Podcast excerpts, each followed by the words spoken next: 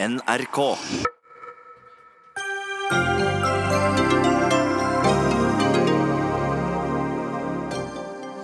MDG har hisset på seg en rekke oljetopper og investorer som mener partiet både er ekstremistisk og frykter at Norge skal bli som Litauen eller Venezuela. En av landets mest kjente investorer møter Miljøparti i Dagsnytt 18. Vindkraft deler partiet SV. For er vindkraft på land noe vi bare må ha for å redde klimaet, eller ødelegger vi mer enn vi redder? Høyere kvinneandel blant ledere øker sykefraværet. Det gir lavere lønnsomhet bedriftene, hevdes det i ny forskning. Så skal vi likså godt bare ha mannlige ledere da, eller er det helt andre ting som gjør at folk blir syke på jobben? Og den enes død, den andres brød. Angrepet på oljeinstallasjonen i Saudi-Arabia øker oljeinntektene til Norge.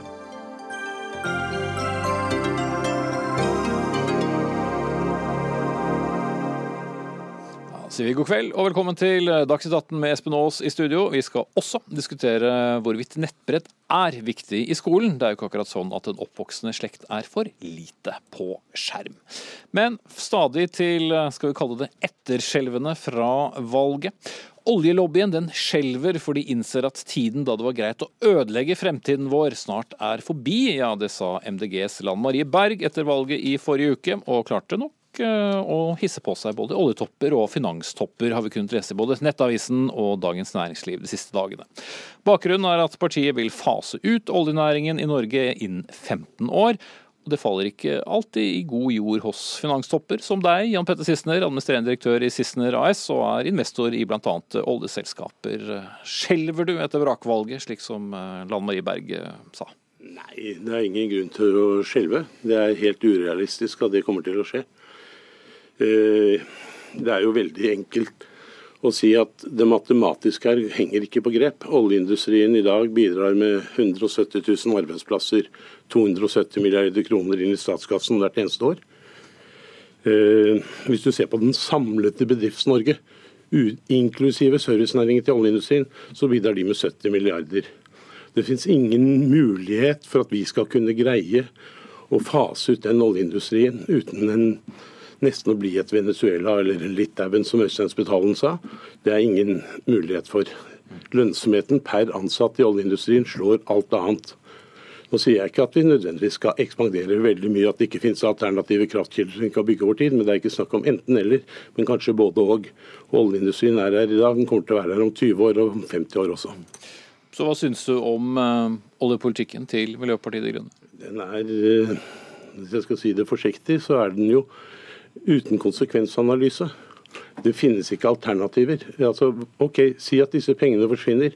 Hvis du sier at sosialbudsjett og helsebudsjett skal være uforandret, så tar det i størrelsesorden 45% av statsbudsjettet. Da gjenstår 55% som er en 800 milliarder kroner. Av de skal du bare wipe ut 270 milliarder kroner. Pluss at 170 000 mennesker skal omplasseres, omskoleres, finne lønnsomme jobber. Det er det kommer ikke til å være i nærheten av å være mulig uten at vi alle må veldig mye ned i levestandard. Hvis du da sier at vi skal bygge opp alternativ industrivirksomhet osv., så, videre, så skal du huske på at vi har verden, et av den vestlige verdens i hvert fall, høyeste lønnsnivåer, høyeste sykefravær, korteste arbeidstid, meste ferier. Hvordan skal vi konkurrere med sultne tyskere, franskmenn, italienere, spanjoler, portugisere og andre? Det kommer til å kreve en omstilling som ikke jeg tror Norges befolkning er villig til. Mm. Hulda Holtvedt, leder av eh, Grønn ungdom. Du er jo med på å ivre frem eh, dette. da. Er det en bevisst strategi nå erter på seg halve Finans-Norge? Ja, vi får jo snakket mye om oljepolitikk. da, og jeg tenker at Hvis man tror at Norge blir Venezuela fordi vi slutter å selge et produkt, da har man nok liten tro på norsk næringsliv og konkurranseevnen og innovasjonsevnen der. Og Så skal jeg fortelle Sissener hvorfor han tar feil. Jeg vet ikke hvilken planet du lever på, men på denne så er vi på vei mot flere graders global oppvarming. Det er det som er den store trusselen mot velferden vår nå. Vi har funnet mer olje og gass enn vi noensinne kan ta opp hvis vi skal nå målene i Parisavtalen. Det betyr at alle land Også Norge må begynne å omstille seg fra fossil energi. Det kan vi gjøre på to måter. Enten ved en styrt avvikling og oppbygging målretta av nye arbeidsplasser, eller vi kan gjøre det ved en krasjlanding. Fordi resten av verden de kommer til å omstille seg. EU skal være fossilfritt innen 2050. Flere av de oljefeltene som bygges i Norge nå, de skal være i drift fram til 2070-tallet. Det kommer ikke til å finnes marked i Europa for norsk olje og gass hvis EU lykkes i å nå klimamålene sine, og det må vi bare forutsette at de gjør, for de pleier å nå klimamålene sine, i motsetning til Norge. Så jeg tror at flere store investeringer nå i olje og gass.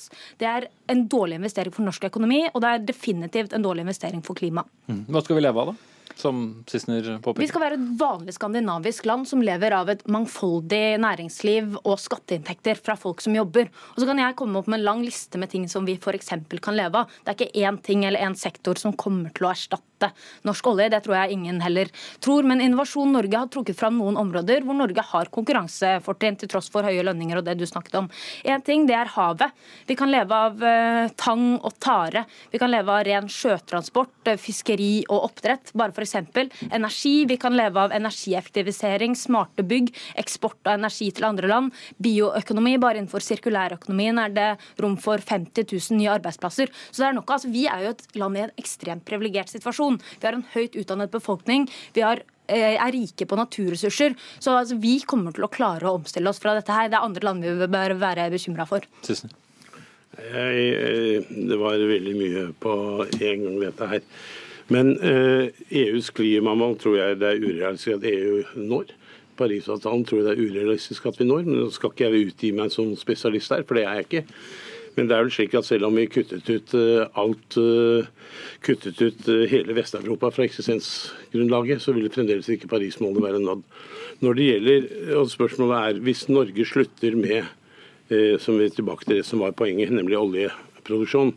Det finnes ingen som produserer renere olje enn Norge de teknologiske fremskrittene har vært enorme. Men er det så store forskjeller på det? Ja, det er veldig, veldig stor forskjell på det. Bare se forskjellen mellom Stadfjord og uh, Johan Sverdrup som kommer nå, så er uh, eh, CO2-printen en brøkdel av hva det var. Og Det der kommer bare til å fortsette og fortsette. Og så er det slik at verdens etterspør i dag 100 millioner fat olje per dag. Og det stiger. De siste årene har vi jo ikke greid å redusere avhengigheten av fossilt brennstoff. Det er fremdeles på 81% av det vi etterspør. Så Det eneste vi da gjør, er å ta vår relativt sett mye renere olje og erstatte med olje fra sand, eller fra shale i USA, eller fra eh, fra araberlandene. Og Nå har vi fått en liten reminder eh, akkurat i weekenden da, og Det er hvor sårbare hele verden er mot den maktkonsentrasjon som sitter, som sitter og kontrollerer olje og oljepris, enten det er arabere eller russere eller hva de er. Og Er det den type tyranner vi ønsker som har makten? Men tilbake til poenget til, til Holtvedt om alternative næringer. Du har ikke noe tro på at vi kan utvikle noe som vil prismessig være mer attraktivt enn olje? Eh, eh, det er godt mulig vi kan. og Teknologien kommer til å utvikle seg i mange år fremover. Men det er ikke snakk om enten-eller, det er snakk om både og. Og Vi ser jo prosjekter hver eneste dag hvor du kan presumptivt skal starte industri osv. Det er ikke gitt at det er eh, veldig enkelt. og Hele verden ønsker jo å være rike, stort sett. Ønsker mer velstand for befolkningen, ønsker å kunne ha større offentlige budsjetter. Alle slåss mot det samme målet. og Jeg er ikke sikker på at Norge starter med noe forsprang annet enn det som Hulda var inne på, nemlig at vi har en veldig høyt utdannet befolkning. Mm. Hulda, ja, altså Først det her pratet om ren olje. Det er jo tull. fordi altså 2% av utslippene ved oljebrenning altså det kommer når du produserer oljen. Resten kommer når du brenner olje. Altså det er jo, altså, all olje og gass er skitten olje og gass. Og så er det sånn at Hvis det ikke er noe marked for olje og gass, så kommer heller ikke USA og Saudi-Arabia til å ha lyst til å selge det. Så nå er det snakk om her å prøve å unngå å bli siste selger på torget. Og Det er jo interessant at du eh, sier at du ikke tror at EU kommer til å nå klimamålene sine. At du ikke tror at vi eh, når Parisavtalen. For da er det et ganske sånn interessant nytt premiss for den diskusjonen. For Da betyr det at du ikke tror at vi kommer til å klare å stanse katastrofale klimaendringer. Regjeringens eget klimarisikoutvalg de har jo sagt noe om hva de mener det betyr hvis vi ikke stanser klimaendringene. Det betyr varig hungersnød. Det betyr at eh, flere steder på jorda så blir det vanskelig for avanserte livsformer å leve. Og det er på en måte Hvis man tenker at det er greit, det er jo kanskje det er en pris man er villig til å betale for å fortsette å prøve å produsere norsk olje. Den prisen er ikke vi i MDG villige til å betale. Nå skal jeg ta inn uh, noen flere til panelet her, og en av dem er med på oss på linje. Det er deg, Tina Saltvedt, bærekraftsanalytiker i Nordea. Er det en god idé for det grønne skiftet å fase ut oljen? Altså jeg tror at Å stenge ned den produksjonen som allerede er i gang, det tror jeg ikke er løsningen. og Det er rett og slett fordi at veldig mye av kostnadene med å investere i olje, det skjer enten før oljen, oljeproduksjonen settes i gang, altså letekostnader, og i de første årene som oljen produseres. Men så etter en stund så vil det bli mer eller mindre en melkeku som står og gir inntekter. Jeg tror det er lurere heller å se på å, altså om man skal åpne opp for mer produksjon. Det er jo én ting man kan gjøre. Se se på tilbudssiden, hvis man ønsker å gå på tilbudssiden. Hvor mange nye felt skal man egentlig åpne opp? Man må også tørre å ta opp eh, skattepolitikken eh, til diskusjon. Og så må man jo aller først og fremst se på hva bruker vi olje til. Fordi at eh, i veldig mange av, av, disse beregningene som sier at vi skal fortsette å produsere olje, så legger man til grunn at verden faktisk kommer til å etterspørre vår olje. Men med de store endringene, det store kostnadsfallet som er i både solenergi, vindenergi og også på batteriteknologi, eh, jeg tror at der har vi bare sett starten. Jeg tror at det kommer til å endre seg ganske mye. For så la jo Tesla frem et nytt batteri, ny batteriteknologi som gjør at du kan lagre mye lenger. altså Fungere som en bedre lagringsmulighet enn det vi har sett så langt. Så etter hvert så vil eh, også sol og vind, slik jeg ser det, være en, et alternativ til, eh, til eh, fossil energi. Fordi at du får bedre nettverk, du får mer fleksibilitet i nettverkene. Mm. Men i løpet av 15 år? I løpet av 15 år, ja det bør vi. altså Sånn som jeg ser det, så har vi et veldig kort vindu her.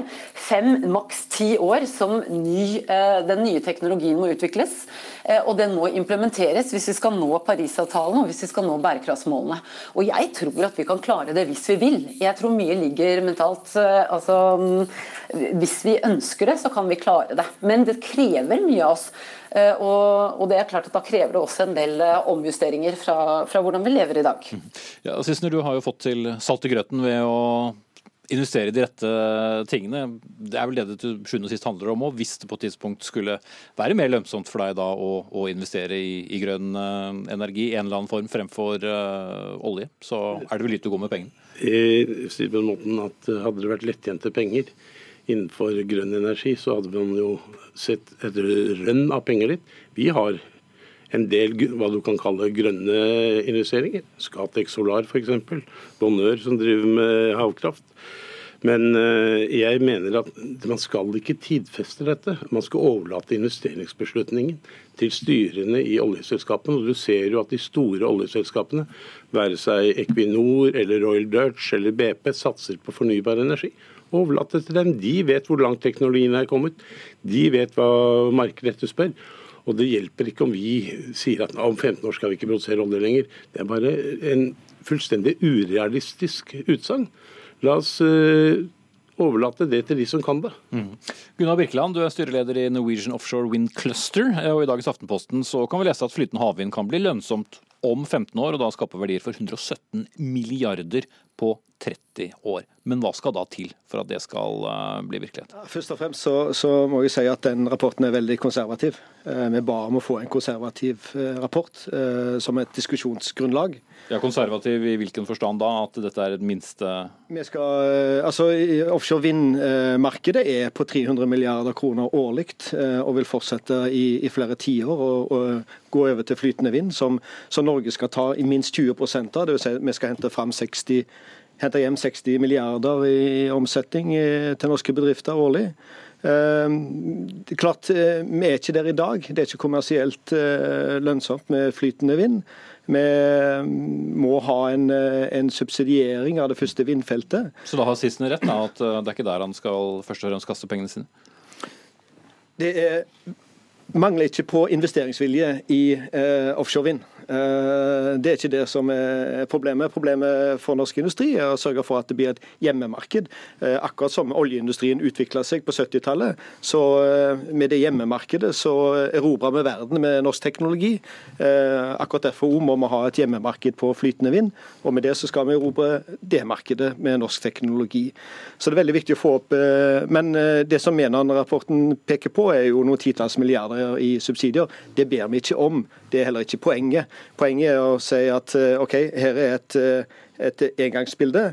Og så må vi finne ut hva vi må gjøre for å få redusert den eh, jeg, eh, hjelpen fra, fra, myndigheter eller fra virkemiddelapparatet for å komme i gang. Mm. Og Du har en teknologiutvikling som går eh, hver i dag, en, en, kostnadsreduksjon som går mye raskere enn estimatene. Eh, og Hvis du ser tilbake, så ser du at markedet, eh, IEA, det har jo dobla markedspotensial innenfor flytende vind. Og du ser at eh, kostnadene på strømmen fra offshore vind kommer mye raskere ned enn estimatene har, har sagt tidligere. Mm. Men fortsatt så investeres det først og fremst i skitten energi. Det som er viktig, eh, Vi må få, få debatten inn på, eh, med rett fokus på debatten nå. Det går et offshore vindtog eh, forbi oss her, så det koster dette.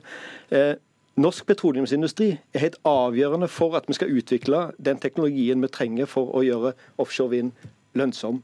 Og Det er den beste klimatiltaket Norge har. Det er norsk petroleumsteknologi i eh, flytende havvind.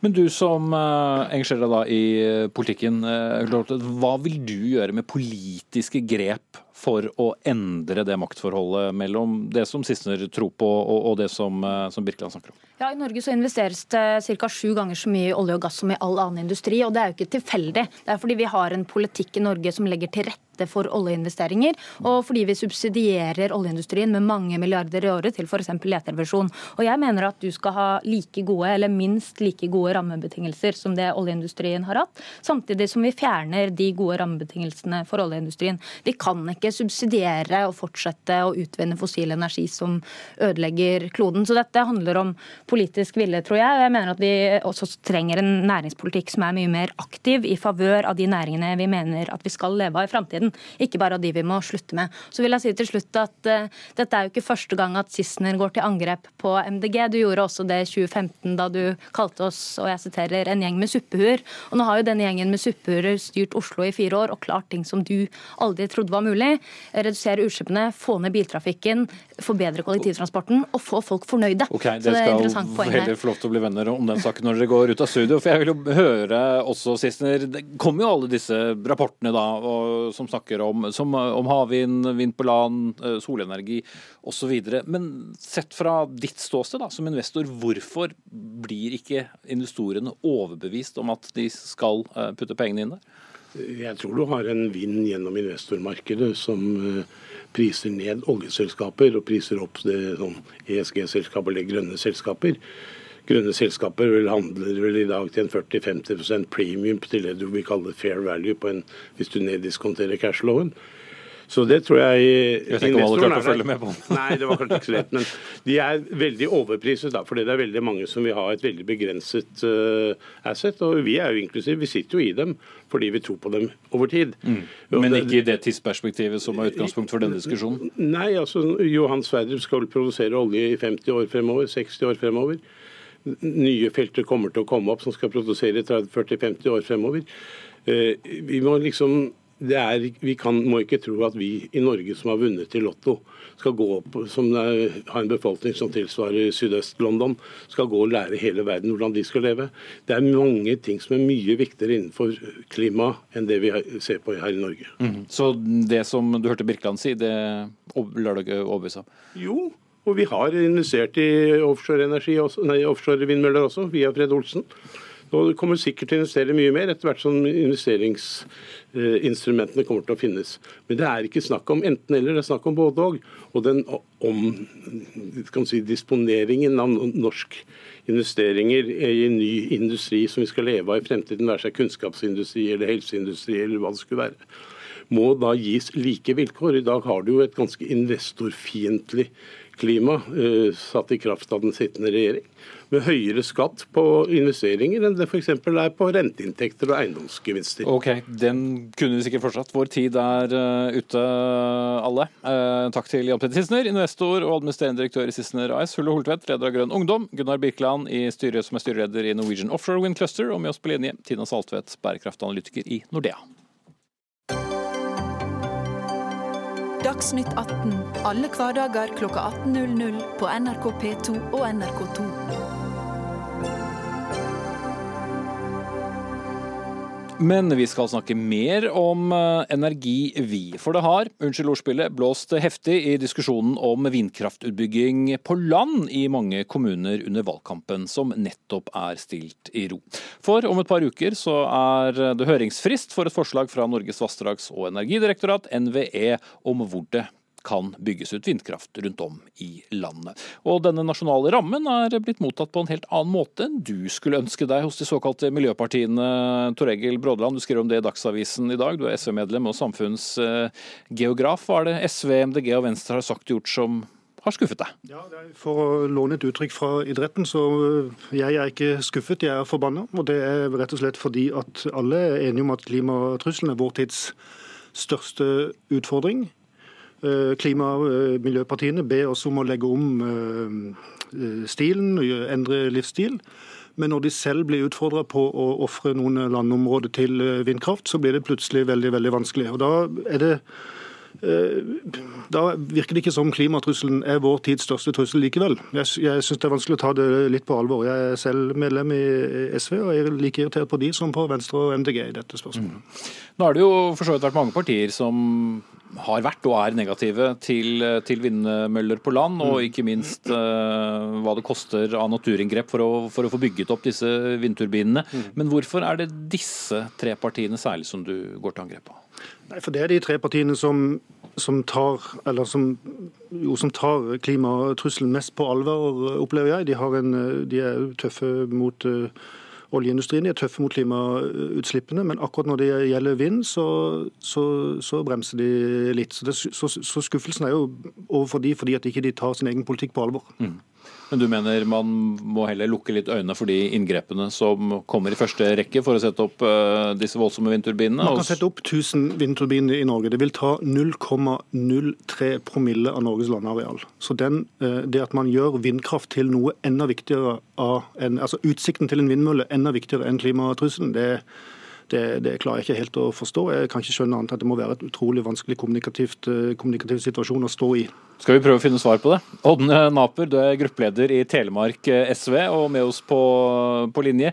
Hvis dere da mener alvor med, med, klimakrisen, som dere jo sier, at det er den største krisen verden står eh, overfor, hvorfor kan vi ikke bruke knøtt, denne knøttlille promilleandelen av Norge til å bygge vindturbiner?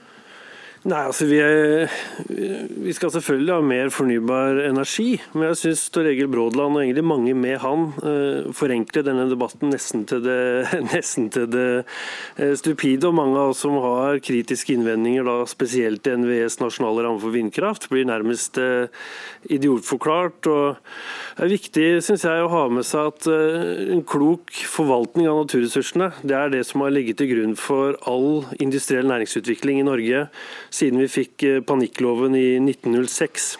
Uh, vannkraftproduksjon. Jeg ser folkevalgt i et fylke som er det femte største vannkraftfylket i landet. Og alle lokalsamfunnene i, Telemark er på en eller annen måte knytta til produksjonen av, vannkraft og fornybar energi.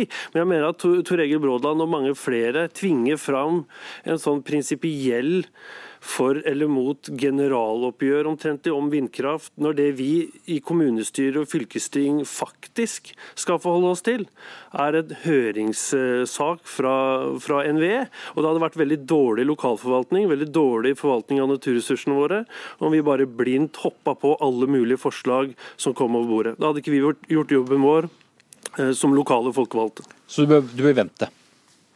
Nei, Først må vi jo ha et uh, skatteopplegg. Først så må vi ha en, uh, et inntjeningsgrunnlag. og uh, Kraftskattutvalget har vel ikke deadline før 1.11. Så når vi har høringsfrist 1.10 på nasjonale rammer for vindkraft, så aner jo ikke vi ute i, i Telemark, da, som, som omfavner tre av områdene for, i nasjonal ramme, på hvilket økonomisk grunnlag vi egentlig tar stilling til disse store naturinngrepene. Det er veldig klok forvaltning i Norge at en anstendig andel av, de, av verdiene som skapes, eh, blir igjen der verdiene skapes og naturinngrepene skjer. Og jeg syns vi skal ta med oss 113 eh, års lang tradisjon med klok naturressursforvaltning videre inn i, i framtidas eh, energieventyr okay, for, for, Norge. Så får klimaet heller vente litt, da. Eh, Brodland, Brodland eh, har vi så dårlig tid? Ja, vi har dårlig tid, og vi har iallfall ikke tid til at vi både skal ha på plass et ordentlig skattesystem, vi skal ha på plass norsk eierskap, og så skal vi helst ikke røre unørt natur, og så skal det være lokale prosesser. Dette er jo bare oppskriften på å ikke få, det til i det hele tatt. I eh, Hver eneste dag så eksporterer Norge 1,3 millioner tonn CO2 i form av olje og gass som går til kontinentet og blir brent der.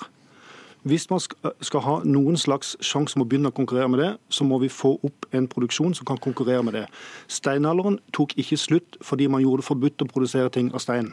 Man fant på alternativer som var mer eh, effektive mer produktive og mer lure. og Det er vindkraft en, måte, en av flere måter å overta noe av den eh, si, monopolsituasjonen som olje og gass har som norsk eksportvare i dag. Mm. Så klimakrisen er ikke så alvorlig at vi ikke kan vente litt, Naper? Men det handler jo ikke om å ikke ta klimakrisa på alvor. Igjen så blir det en sånn kategorisk og veldig forenkla inngang til, til, en debatt om store arealer, store naturinngrep og også produksjon av store verdier. Og Jeg mener at eh, Brådland er med på å skape et kunstig høyt konfliktnivå, jeg. Men når dette er inngangen til, eh, til eh, disponering av areal til vindkraft. For hvis vi hadde tatt og videreført arven vi har fra vannkraft, jo. og lagt til grunn et skikkelig skatteregime og avtale jo, det har du, så tror jeg konfliktnivåene har vært lavere, og da hadde framdriften også vært bedre. Og vi står ikke i veien for utbygging av fornybar energi. Vi peker på hva som står i veien for utbygging av fornybar energi. Ja, altså jeg tror at Greta Thunberg i dag er så populær fordi hun ser den åpenbare enorme avstanden mellom situasjon og reaksjon. Folk som hun kjemper mot, høres litt ut som Odne Napper gjør nå. fordi han, alltid, han, skal alltid om, om, eh, rundt en omvei og en omvei til og en omvei til før han får gjort noe som helst. Jeg tror at veldig mange nå ikke forventer at miljøpartiene skal ha to tanker i hodet samtidig. De skal ha én ting. Og Det har de fleste miljøpartiene med respekt for seg selv også vedtatt, nemlig at klimatrusselen er vår tids største trussel. Og Da må man legge kabalen etter, etter, legge kortene etter, etter, den, eh, etter den konklusjonen. Vi kan jo... Unnskyld. Ja, jeg er jo helt enig i det, Brodland. Men vi kan jo ikke skimse at å late som om skatt, avtaleverk, urbefolkningsinteresser, livsgrunnlaget til folk som eh, berøres av omdisponering av areal, og ikke minst betydning av uberørt natur, at det er småtterier som ikke har noe i miljø- og klimapolitikken å gjøre. Dette må jo på plass. Du er jo enig i at vi trenger mer fornybar energi. Men så ønsker du at vi ukritisk skal applaudere NVEs nasjonale ramme for utbygging av vindkraft. Jeg mener at klok forvaltning er at vi legger til grunn et bedre lov- og avtaleverk, at vi lytter til urbefolkning og lokalsamfunn, og at vi også eh, er flinke til å verdsette den uberørte naturen. Vi må lære litt av eh, bortfallet av matjord f.eks. Det er arealer i naturen vi ikke får tilbake, og da skal vi forvalte, forvalte områdene på en, på en, klok måte. Men vi er enige at vi trenger fornybar energi, men så skjønner ikke du, etter, etter min oppfatning, oppfatning. Skjønner ikke du at verden ser litt annerledes ut fra kommunestyresalen eller første rad i fylkestinget enn den okay. gjør på årskonferansen? det ser jo på flere hensyn vi må ta vare på. To poeng. For det første, Jeg omfavner ikke NVEs rammeplan. Jeg syns den er altfor puslete. Vi har 13, det er 13 områder som er foreslått. Den kraften som man kan få maksimalt ut av det, rundt 40 TWh, tilsvarer to uker med norsk eh, eksport av olje og gass eh, i, eh, i energi. Så det er, ikke, det er ikke store greier. Når det er snakk om livsgrunnlag og urfolk, så tar rapporten til NVE hensyn til det. Så det er, det er ikke riktig det du sier.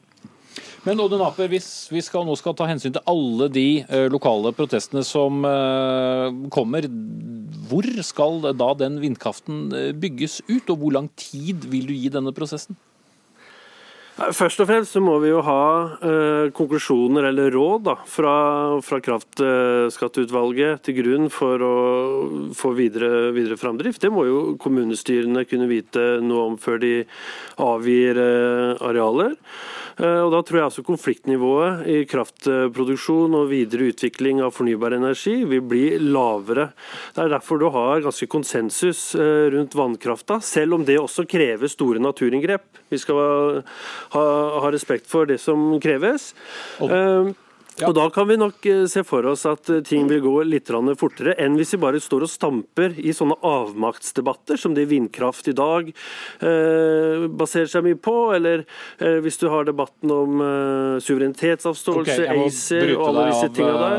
Uh, Odd Nape, bare spør deg veldig kort til slutt, Bråland. Du får sette inn litt til olje- og energiministeren fra Frp? Ja, jeg må nesten det, men jeg har også sett at han er også skeptisk, for han har jo også fått med seg den skal vi si, folkelige bevegelsen mot vindkraft Så, så jeg er usikker på hvem, hvem skal heie på akkurat nå.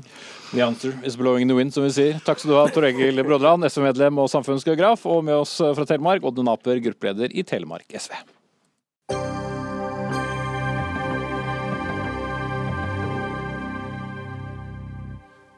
Så skal vi snakke om eh, likestilling og om sykefravær. For selv om det er et eh, politisk mål å ha flere kvinner i lederstillinger i Norge, så tyder forskning på at det ikke nødvendigvis eh, er særlig lønnsomt, rett og slett fordi det øker sykefraværet. Det hevder i hvert fall du i en kronikk i Dagens Næringsliv for helgen. Anne Mai Melsom med doktorgrad i sosiologi og har forsket på dette temaet og altså skrevet denne kronikken sammen med en kollega.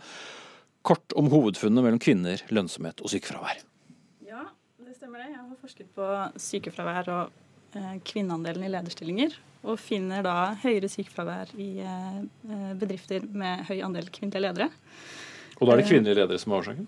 Det vil jeg ikke, det kan jeg ikke på en måte påstå. Men det er i hvert fall en samvariasjon. Om den effekten er kausal eller ikke, det, det kan jeg egentlig ikke si basert på den studien. Mm. Um, men, men, du sier i hvert fall at en viktig markør for produktiviteten da i arbeidsmarkedet er selvfølgelig nivået på, på sykefravær. Og den direkte ja.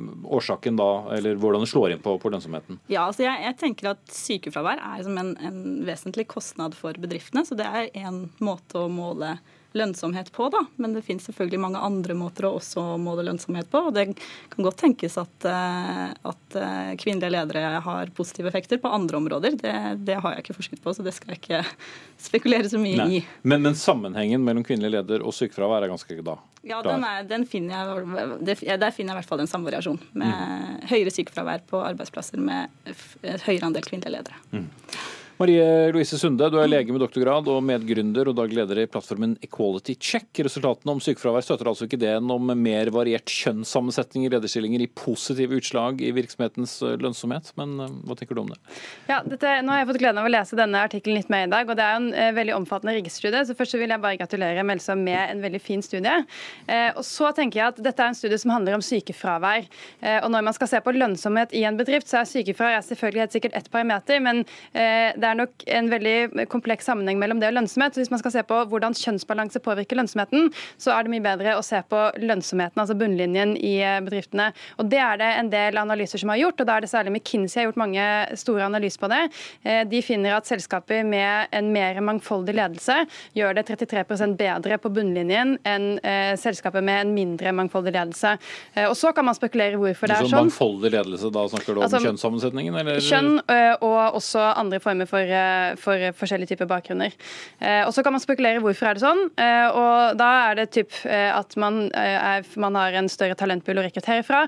Man møter markedet bedre. Det er en studie fra BCG blant flere som viser at selskapet med en mangfoldig ledelse har 38% mer av avkastningen fra kreativitet og innovasjon, som man vet er veldig viktig. Så hvis vi skal se på lønnsomheten, så må vi se på bunnlinjen og ikke på sykefraværet. Det blir en, en, en en omvei til, til mål på akkurat det. Mm, ja, Nei, men det, jeg er for så vidt enig i det. altså at Bunnlinje er eh, kanskje et bedre mål på produktivitet enn mm. en sykefravær. Men nå er det noe sykefravær jeg har ja, ja, og, og, og, la oss snakke om sykefravær. for De skriver videre at funnene uh, tyder på at kvinnelige ledere i større grad skaper mer aksept for, for sykefravær. Uh, hvordan skjer det? Det kan være en tolkning. Altså Nå har jo kvinner eh, jevnt over høyere sykefravær enn det menn har. Det gjelder også kvinnelige ledere.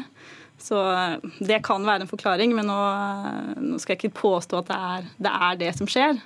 Eh, men, men, det, men, det, er i hvert fall en forklaring som skal si, er i ja, ja stemmer, stemmer, med, ja, stemmer med observasjonene da, i mm. resultatene.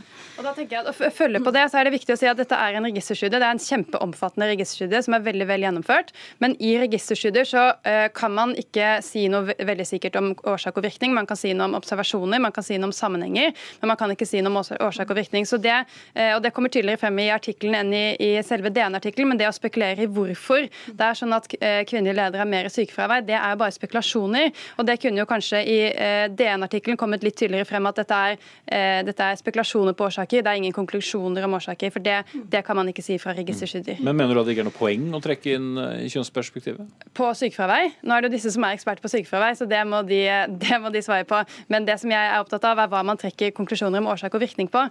Og det er ikke så lett å gjøre fra registerstudier. Så der skal man være veldig Man kan veldig gjerne spekulere, men så skal man være veldig tydelig på hva som er spekulasjoner og hva som er konklusjoner. Mm.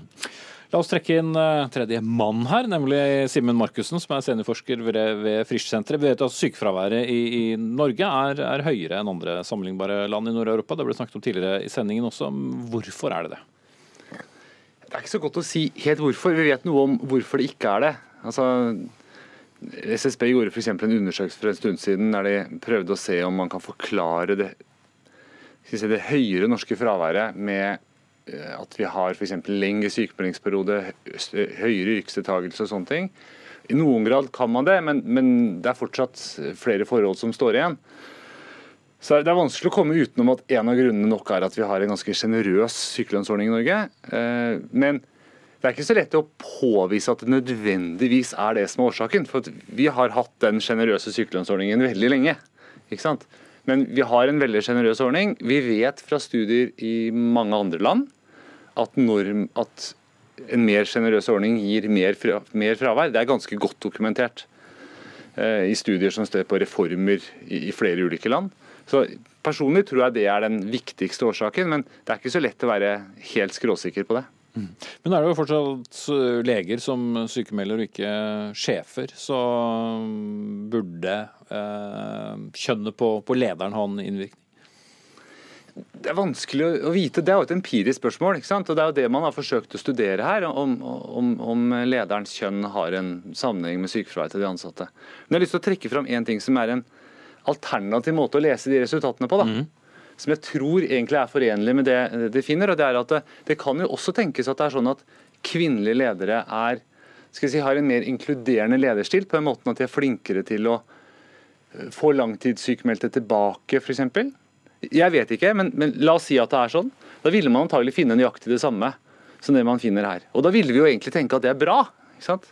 Selv om det er ikke sikkert at det er bra for lønnsomheten for den enkelte eier, men for samfunnet er det i hvert fall bra. Mm. Og bare for å ta en ting til uh, ut fra den rapporten. Det er også riktig da, uh, som du sier at sykefraværet er høyere for kvinner enn menn. Og det mm, har da noe å gjøre med at man er kvinne. og Altså, det er et godt spørsmål. Altså. Det har vært et sånn 10 000 kroner spørsmål i forskning og sykefravær i mange år. Det er Hvorfor er fraværet til kvinner mye høyere enn det er til menn? Og er, Sånn er det i nesten alle land. Og Det er gjort veldig mange forsøk på å forklare de forskjellene. og jeg, tror det er en rimelig oppsummering å si at det har man ikke klart. Man har klart å sjekke ut en masse ulike forklaringer. Det skyldes ikke jobb, det skyldes ikke ditt, det skyldes ikke datt. Det skyldes, noe av det skyldes graviditeter. Men bortsett fra det, så står man igjen med noe man ikke helt klarer å forklare. Jeg tror egentlig at det er liksom legen som er bedre i stand til å forklare det enn eh, samfunnsviteren som sitter her. Enn alle forskerne. Sunde? Ja, jeg tenker Et annet viktig poeng er å få en som ofte også blandes inn i disse diskusjonene, er en sånn implisitt forventning om at kvinner leder på én måte, og menn leder på en annen måte. Og Det er jo en veldig sånn stereotypisk generalisering. Det eh, har vi heller ikke så mye grunnlag for å si. Og det er nok veldig mye som påvirker en lederstil. Det er individet, kanskje aller mest. Det er bransjen, det er om du har en støttefunksjon eller operasjonell funksjon. Der vet vi at kvinner oftere er i støttefunksjoner per i dag. Og det å kontrollere for alle disse variablene i sånne type studier er jo kjempevanskelig. Så vi skal være veldig forsiktige med å generalisere hvordan kvinnelige ledere er, og hvordan mannlige ledere er, og, heller prøve å se mer på, på hvordan personene er, og hva som påvirker det. Det er et kjempestort bilde som er vanskelig å, å koke ned til et så binært parameter. Ja, og etter å ha også dekket norsk næringsliv i, i en del år for egen del, meldt som altså ut uh, altså tallgrunnlaget. altså Noen vil jo også hevde at uh, har vi lang nok erfaring med å kunne sammenligne kvinnelige og uh, mannlige ledere, for sånn sett å kunne sammenligne sykefravær, hvis du skjønner hva jeg er på veien? Mm, lang nok erfaring med sammenligning. Med at det er fortsatt en langt mindre andel av kvinnelige ledere enn mannlige ledere? Ja, nå, ja i den studien jeg har gjort, altså, har jeg liksom tatt med ledere på alle nivåer. Da. Så det, det, er jo for så vidt en lavere andel kvinnelige enn mannlige ledere der også, men det hjelper jo på. Det er liksom ikke bare topplederstillinger her. Det er sånn, ja, lederstillinger generelt sett. Mm. Så, ja. Men i da en av de gruppene som er mer enn 90% kvinnelige ledere, så er sykefraværet 3,8% høyere enn steder med mellom 40 til 60% kvinnelige eh, ledere. Altså Prosentpoengene er for så vidt eh, kanskje ikke så store, men hvordan slår det ut? Hvordan det slår ut? Ja, altså eh, 90% altså med, med, høy andel kvinnelige ledere, så er det også eh, et, et, høyere. Ja, 4% høyere sykefravær enn, i, enn, på arbeidsplasser hvor kjønnsbalansen er eh, ja, hvor det er lik kjønnsbalanse da, i lederstillingene. Mm. Men er det da noen forskjell, i den grad du har sett på det, eh, forskjell på en kvinnedominert arbeidsplass, eller handler det først og fremst om lederskapet? Eh, akkurat denne artikkelen handler om eh, lederskap, men så er det nå tatt høyde for eh, kjønnsbalansen på arbeidsplassen generelt sett. Da. Så det er liksom, kan ikke sånn rett fram forklare det med at eh, kvinner leder kvinnedominerte arbeidsplasser, og at eh, det, det forklarer det. Men jeg har ikke sett noe mer på det. Mm, Sunde? Ja, eh, Det er et viktig poeng, eh, og det kommer litt tilbake til hvor mye kan man kontrollere for i sånne type studier, og hvor mye seleksjon ligger det i datagrunnlaget. Og I registerstudier så kan man kontrollere for en del, og det har dere gjort på en kjempegod og omfattende måte. Og så er det fortsatt en del ting man ikke kan kontrollere for. Noe av det ligger i f.eks. Eh, kvinner, hvilke, støt, hvilke funksjoner er det de er. De er oftere støttefunksjoner, menn er oftere personelle funksjoner. Hvor mye har det å si? Hva slags type selskaper er det? Er det store selskaper? Er det små selskaper? Dette er gjort på en veldig omfattende gruppe av selskaper selskaper, hvor man kunne anta at mange av dem er kanskje litt mindre selskaper. Hva har det å si? Så det er et stort datamateriale som man kan hente ut veldig mye fra. Det har dere gjort. Eh, og så er det fortsatt en del variabler som er usikre, og som det er, som det er vanskelig å, å, trekke tydelige konklusjoner fra. Eh, og, der, eh, og, Det kunne jo uansett være interessant å høre mer om hvordan dere har gjort den, hvordan dere har kontrollert for disse tingene, som dere skriver litt om i studien. For mange, mange vil jo tenke at ja, men, å sammenligne selskaper med under 10% kvinner i ledelsen, typisk bank, sammenligne kvinner med over 90 kvinner i ledelsen. Det er jo typisk barnehage. Hvordan, hvordan er dette sammenlignet? Spennende. Jeg må sette strek for diskusjonen. Takk skal dere ha alle tre. Mari Louise Sunde, lege med doktorgrad og medgründer i plattformen Equality Check. Anne Mai Melsob, som eh, sto bak eh, artikkelen og studien sammen med kollega. Og Simen Markussen, sceneforsker ved Frischsenteret. Hør Dagsnytt 18 når du vil. Radio NRK Radio.nrk.no.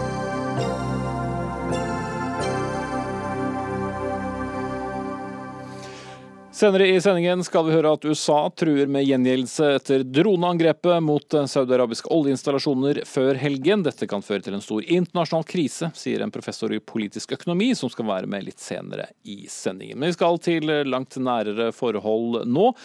For selv om det er noen uker siden skolestart, ja faktisk så er det vel snart høstferie også, eh, så har skolehverdagen kommet eh, godt i gang for de aller fleste. Og Det betyr at eh, mange elever har fått utlevert et nettbrett som skal følge dem gjennom skolegangen. Men er det så lurt å sette barna våre foran enda en skjerm flere timer hver dag.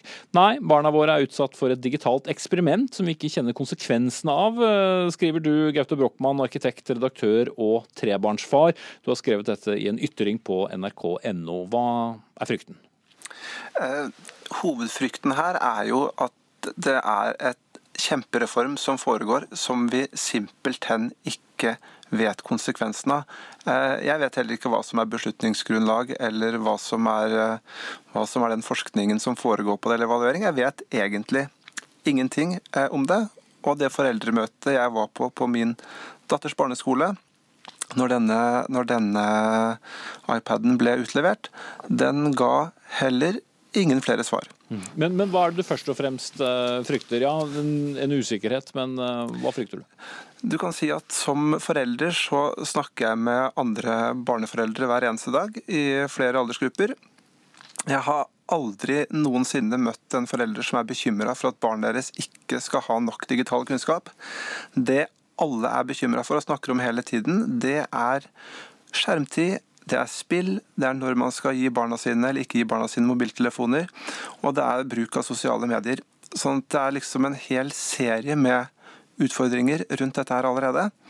Og siden man da innfører dette nettbrettet uten å engang vite om det gir økt læringseffekt, så føles det simpelthen som en sten til byrden til en av de aller, aller største utfordringene vi har i hverdagen allerede. Mm.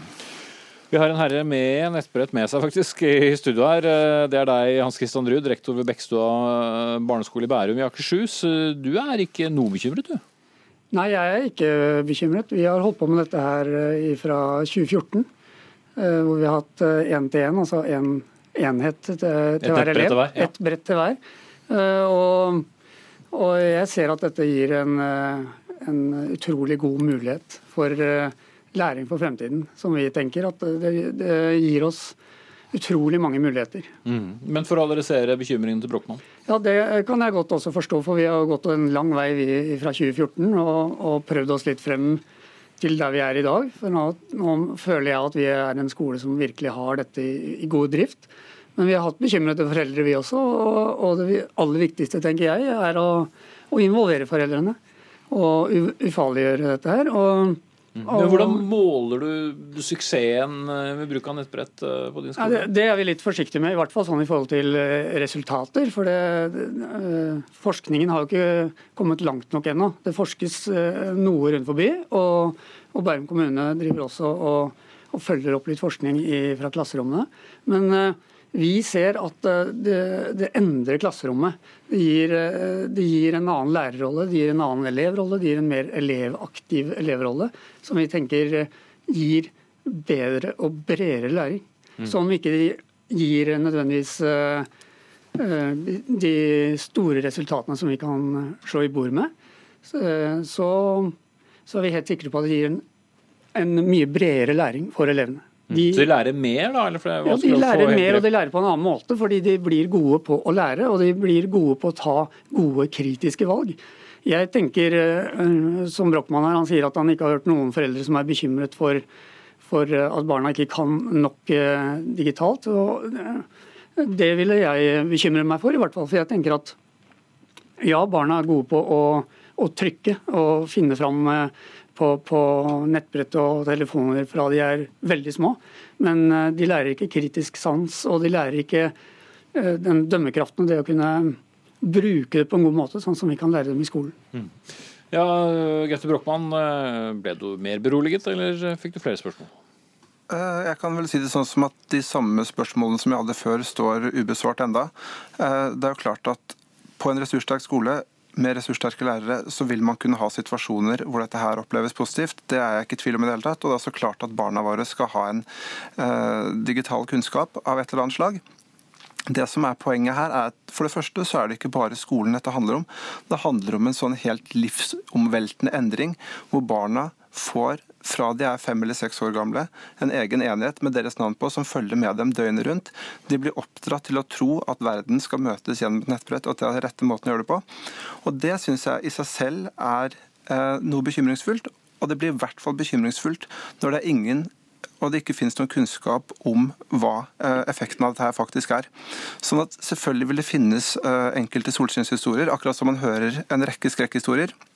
Men mitt poeng med å skrive den kronikken her, er at jeg på en måte vil forbi disse helt subjektive, personlige erfaringene som folk har rundt forbi. Og så vil jeg få på plass et beslutningsgrunnlag hvor folk faktisk vet noe om hva konsekvensen av dette her vil være. Mm. Og Når kan man måle det? Hans Christian? Jeg tenker at eh, Ja, vi applauderer all forskning, og vi ønsker eh, mye forskning inn på dette, sånn at vi virkelig kan kanskje få, få, det bekreftet av det som mange av oss ser. Men, eh, men fortsatt er det da litt et eksperiment, eller som nei, jeg opplever, sier? opplever ikke at dette er noe eksperiment i det hele tatt. For hvis man går rundt i disse skolene hvor man har innført digitale enheter til alle, så er lærerne er utrolig opptatt av dette her. Og, og de, de, er opptatt av læring, for det er jo det som det hele dreier seg om. Og det er ikke at elevene eh, og barna skal sitte og trykke og, og, konsumere masse, men at vi ønsker at barna skal være den aktive. Mm. At det er de som skal produsere og lage og lære. Men til slutt, eh, Brochmann, eh, kan man ikke bare redusere bruken av nettbrett hjemme, da, hvis man bruker det såpass mye på skolen? Det tror jeg at mange foreldre aktivt kommer til å gjøre. Jeg tror også at dette her kommer til å være en litt sånn sosialt problematisk ting, i den forstand at ressurssterke foreldre som har god tid, som har mulighet til å følge opp barna sine, vil sørge for at barna deres fortsatt spiller fotball, gjør andre ting, er mye ute.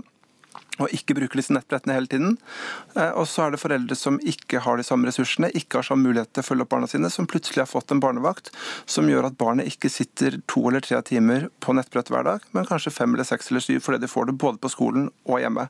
Og Det syns jeg det er veldig vanskelig å se skal være en heldig utvikling for våre fem- og seksåringer. Mm. Der må jeg trykke på hjem-knappen. Takk skal dere ha, Gaute Brochmann, arkitekt, redaktør og trebarnsfar, og rektor ved Bekkstua barneskole i Bærum i Akershus, Hans Christian Ruud.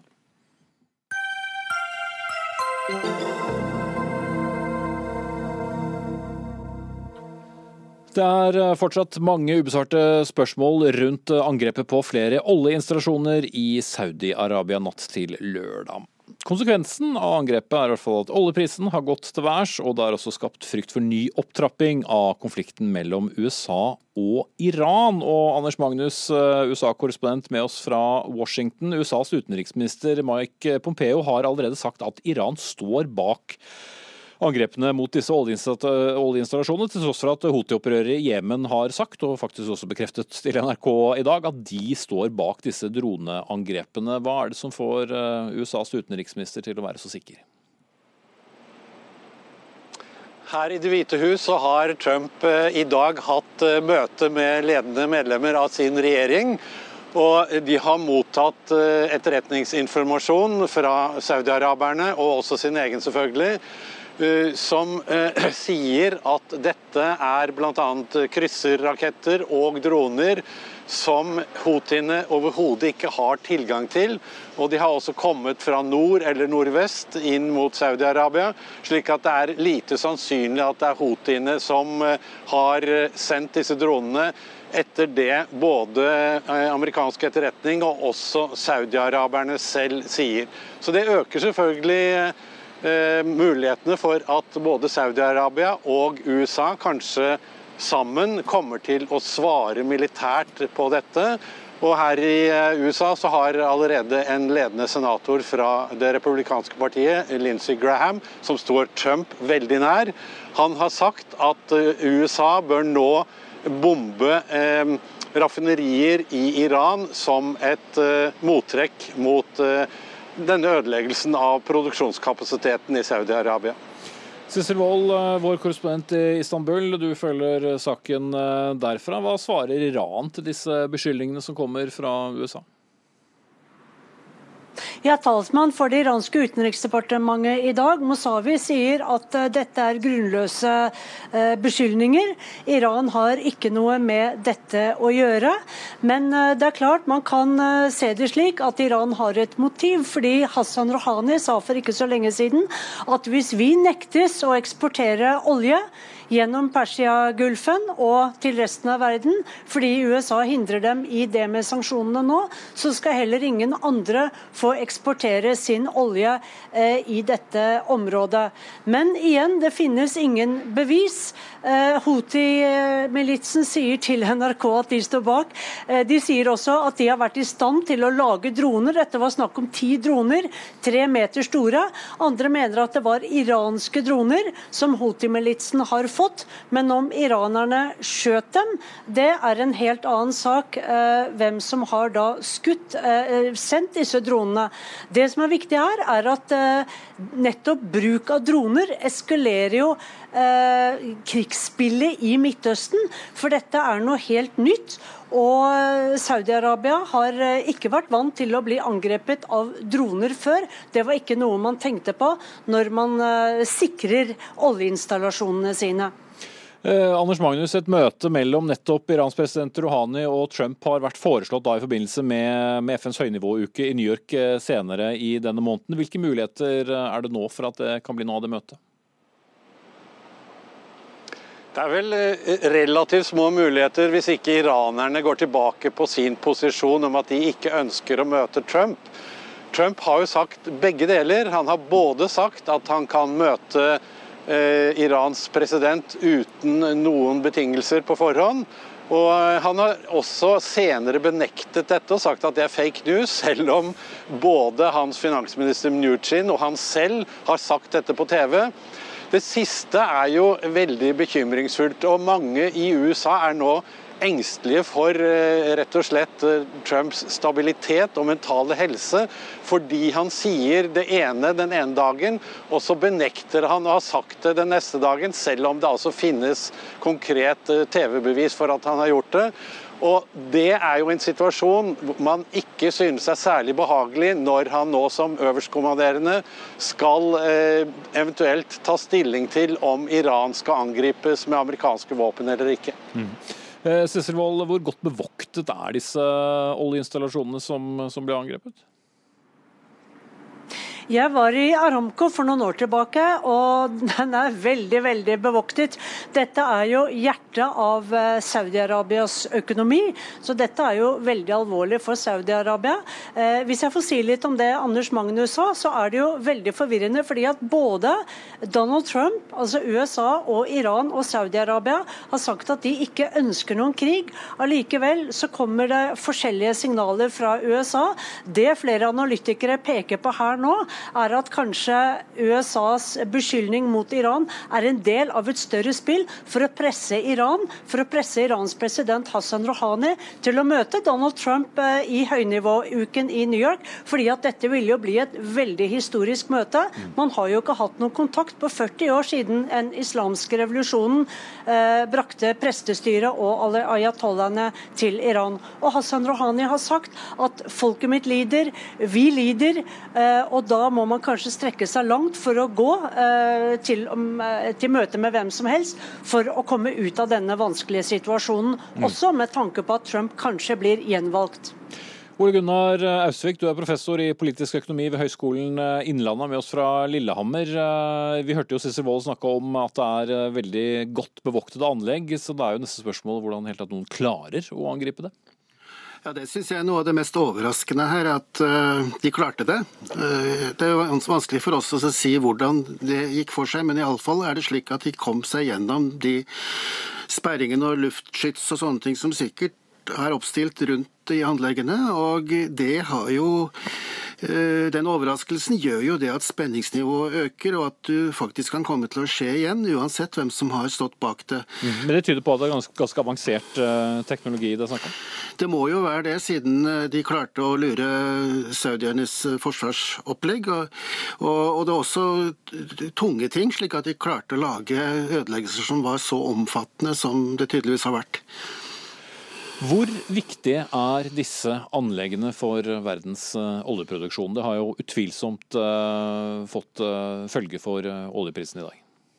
Det er det som er fantastisk, at de har truffet midt i blinken på Saudi-Arabias senter for både rørledninger og videre til raffinerier og utskipningsanlegg. Så Upkick er er jo det senteret som, som alle, går, alle rørledninger går til. Det er like ved verdens største oljefelt, som heter Gavar. Og de produserer altså bortimot 10 millioner fat om dagen, og skiper det til, eh, til Gulfen, i Rastanura, som er havnen ved Persiske Gulf, og i stadig økende grad til Rødehavet, til, til Janbu, som de vektlegger mer og mer, for da slipper det gå ut gjennom Hormuzstredet. Så Upkick er senteret, det viktigste senteret hun kunne treffe, og sikkert også dermed det mest bevoktede.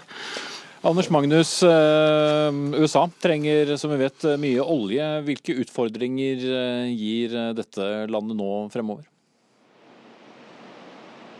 Nå er USA akkurat nå i en ganske gunstig posisjon fordi det er mye olje tilgjengelig. og Bensinprisene her er jo ikke akkurat mye å snakke om. De er historisk lave, under 6 kroner literen. Så det kan vi jo sammenligne med norske bensinpriser på 17 kroner literen. Men i tillegg så har nå eh, Donald Trump beordret at man skal bruke litt av de strategiske reservene, slippe de ut på markedet, slik at eh, prisen kan holde seg lav. Det verste som Trump eh, kan tenke seg, er jo at bensinprisen skal øke. Da kan han få folkelig misnøye, og også eventuelt hvis han da går til et motangrep mot Iran, eller hvem det nå ellers eh, skulle være, så, eh, og oljeprisene stiger videre, så er det viktig for ham at prisen til konsument, til bileierne her i USA, ikke stiger. og Derfor så pumper de nå ut en del bensin og olje fra disse strategiske reservene som de har. De har jo store lagre i tilfelle krig.